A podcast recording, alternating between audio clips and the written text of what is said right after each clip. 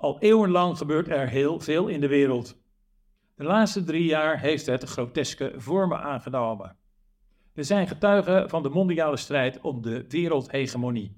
Ik heb er al veel over gezegd in mijn licht autistische columns, die hiervoor verschenen bij Café Weltsmets. Over vaccineren, de herreizenis van Eurazië, de oorlog in Oekraïne, mijn moeder, de klimaathysterie, onze schuldeneconomie, woke, het CBDC Koningin Maxima geld en het digitale paspoort. Over woke zeg ik even niets. Dat is meer voor de lente als de kriebels weer gaan opspelen. Over klimaatalarmisme hou ik ook even mijn mond. Er valt niets te alarmeren en het is veel te koud om op het asfalt te gaan liggen. Over Thijs van der Brink is ieder woord er één te veel. In Hengevelde overleed vorige maand een man vijf minuten na vaccinatie. Eén ding wist het waarop zeker: het lag niet aan de prik. Ik las dat de grote Vladimir Zelensky, de redder van onze democratie, de nieuwe Winston Churchill, de man waar de Tweede Kamer kort geleden nog voor stond te applaudisseren, twee jachten van 75 miljoen heeft gekocht van onze belastingcenten. Geld dat beter had kunnen worden besteed om de studieschuld van onze kinderen kwijt te schelden. Ho ho ad, dat is niet de bedoeling. We moeten allemaal afhankelijk worden van schulden. Dan ben je makkelijk te sturen, dan hou je je mond, dan ben je te druk met werken om die schulden weer af te betalen. Over de overwinning van Geert Wilders heb ik in mijn vorige column al genoeg gezegd. Je moet politiek ook niet belangrijker maken dan het is. Feit is dat miljoenen burgers intuïtief hebben begrepen dat juist nu een proteststem nodig was om de uitrol van Agenda 2030 waarvan de meesten nog nooit, nooit gehoord hebben, een halt toe te roepen. Nee tegen nieuwe vaccinaties, nee tegen de klimaatgekte, nee tegen de gedachte dat iedere man een vrouw kan worden of andersom, en nee tegen nog meer oorlog en dus nog meer migratie. We gaan zien of onze zogenaamde democratie onder vuur komt te liggen, zoals de slechte verliezers van links in koor roepen. Het is allemaal theater Wilders als premier lijkt uw columnist uitgesloten. En als het toch gebeurt, gaat het niet lang duren. Uiteindelijk komt er een kabinet over links. Een zogenaamd progressief, inclusief en tolerant kabinet, maar dan met andere poppetjes. In de instituties blijven voorlopig dezelfde mensen zitten die verantwoordelijk zijn voor de implementatie van de destructieve 2030-agenda, die de COVID-angst hebben gepropagandeerd die aandrongen op massale vaccinatie, die miljarden willen uitgeven en de bevolking verarmen om 0,00036 graden opwarming van de aarde te voorkomen. Die geloven dat tolerant zijn betekent dat iedere man een vrouw kan worden of andersom, die oorlog propaganderen en miljarden naar de Oekraïne hebben overgemaakt om middels een gecreëerde oorlog onze zogenaamde democratie te redden. Het afgelopen anderhalf jaar hebben deze progressieve, inclusieve, democratische mensen Kiev overladen met wapens voor ongeveer 200 miljard dollar. De gevolgen zijn desastreus. 8 miljoen Oekraïners zijn op de vlucht, een half miljoen jonge mannen zijn gesneuveld, het land ligt in puin. Alles, alles was te voorkomen als Kiev neutraal was gebleven en de NAVO buiten de deur had gehouden. Een oorlog die inmiddels moet worden vergeten omdat de NAVO is verslagen en er weer een nieuwe oorlog is gecreëerd in Gaza. The show must go on. Oorlog is Peppy en Kokkie centjes verdienen. Helaas niet voor de duizenden slachtoffers in Oekraïne, Rusland, Gaza en Israël. Maar voor de elites op de achtergrond.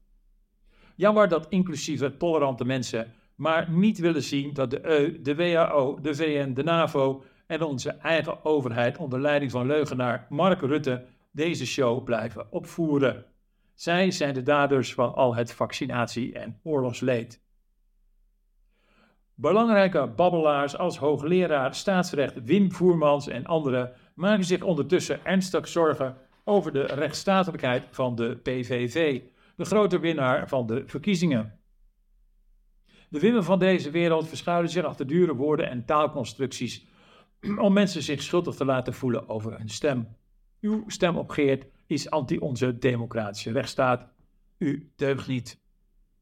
Jammer dat Wim zich geen zorgen heeft gemaakt toen tijdens corona de grondrechten van Nederlanders met voeten werden getreden. Denk aan een verplicht mondkapje, avondklokken, lockdowns en uitsluiting van mensen middels een QR-code, die zo verstandig waren geen vaccin van een van de meest gecorrumpeerde bedrijfstakken op aarde, de farmaceutische industrie, te nemen.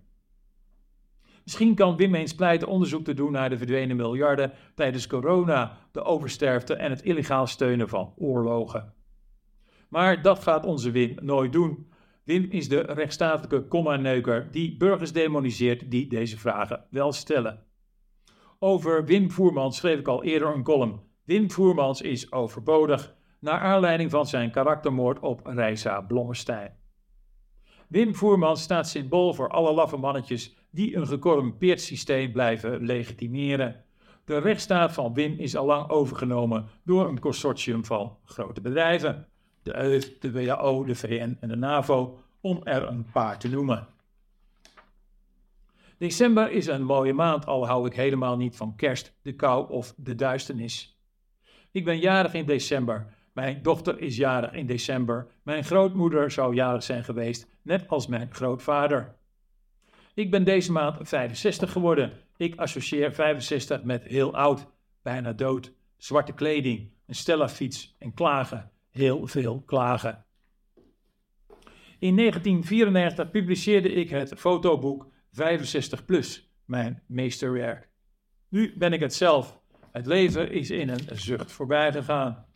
NRC Handels, Handelsblad schreef op 18 november 1994 een pagina grote recensie over het boek.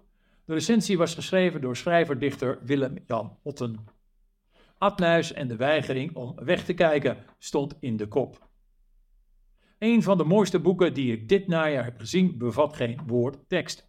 Geheimzinnig aan het boek 65 plus van Adnuis is de volledige radicale afwezigheid van enige begeleidende tekst. Wie deze Nuis is, staat nergens. Nuis wil overduidelijk een dienaar van de realiteit zijn. Uit iedere foto in dit boek spreekt het besef dat er een harde werkelijkheid is die erkend moet worden. Er staan op alle bladzijden mensen die zichtbaar hun langste tijd gehad hebben. Er is geen enkele bijzondere reden om hen te willen bekijken. Toch is dit een belangrijk boek. Het legt een houding jegens ouderdom vast. Het boek doet je beseffen dat je helemaal nooit naar oude mensen kijkt. Al dus Willem-Jan Otten. Even een paar fotootjes uit het boek, zodat u een indruk krijgt. Dansen naar de dood was een beetje het thema. Verder vooral heel veel zompige zwart-wit foto's. Ik zal u ook de laatste laten zien. Foto uit mijn stamcafé van destijds, Café De Zon.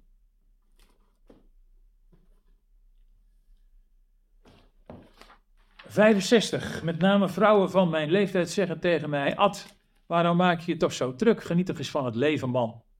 Het is natuurlijk heel fijn als mensen zich druk om je maken. Maar ik geniet enorm van het leven. Van mijn kinderen, de zon, de natuur, koken, reizen, lekker eten, drank en vrouwen. Maar ik kan niet genieten als ik mijn ogen sluit en mijn mond hou over wat er allemaal gebeurt uit naam van onze democratie. Ik ben tenslotte geen struisvogel.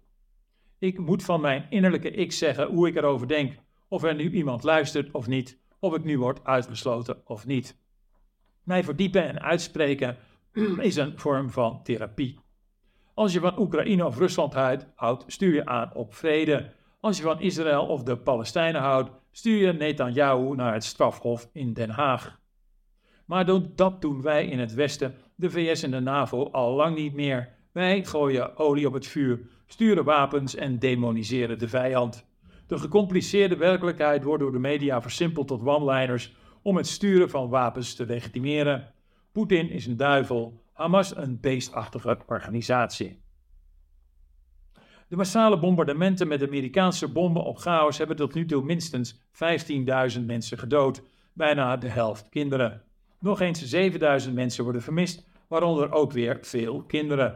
Alles wordt platgegooid. Ziekenhuizen, moskeeën, kerken, woonblokken, banken, telecommunicatie, scholen, waterzuiveringsinstallaties, bibliotheken, bakkerijen, supermarkten. Hele wijken zijn van de aardbodem verdwenen. Het is geen oorlog tegen Hamas, maar een genocide op de Palestijnen. De VS blokkeren een staakt het vuren, wat betekent dat Israël mag doorgaan met het aanrichten van slachting in Gaza. Het Verenigd Koninkrijk onder leiding van Sunak onthield zich van stemmen. Wie zwijgt stemt toe, zei mijn grootmoeder altijd. Volgens het Sidi is antisemitisme, en ik citeer hun eigen site, een bepaald beeld van Joden. Dat, dat, kan zich, dat zich kan uiten als haat tegen Joden. Wat nu op het spel staat, is een haat tegen een bevolkingsgroep vanwege haar daden, niet vanwege haar afkomst. Benieuwd wat het Sidi ervan vindt. Israël, of beter de regering Netanyahu, stuurt aan op een tweede Nakba. Burgers in Israël hebben geen keuze. Een criticaster van de corrupte Netanyahu is synoniem voor landverrader. Samen tegen de Palestijnen. Hetzelfde mechanisme als je doet het voor opa en oma en samen tegen corona. Het waren grote leugens. Je deed het uiteindelijk voor Big Pharma. Ook deze oorlog is een leugen. Het is geopolitiek voor gevorderden. Gaza wordt geannexeerd door Israël. De door Israël gefaciliteerde aanslag is een alibi om de Palestijnen voor eens en voor altijd te verdrijven. Drie vliegen in één klap. Nooit een twee-staten-oplossing. Je doet het voor de wapenindustrie. Voor de kust van Gaza liggen enorme gasvelden. Alles draait om grondstoffen, schreef mijn meester Kiel in 1973. Iedere les met grote letters op het schoolbord. In het 65-plus boek zonder tekst zit een leeslint. Er staat een gedichtje op van mijn helaas overleden vriend en dichter Frank Starik. Het leven is fijn, eerst ben je klein, dan word je groot en dan ga je dood.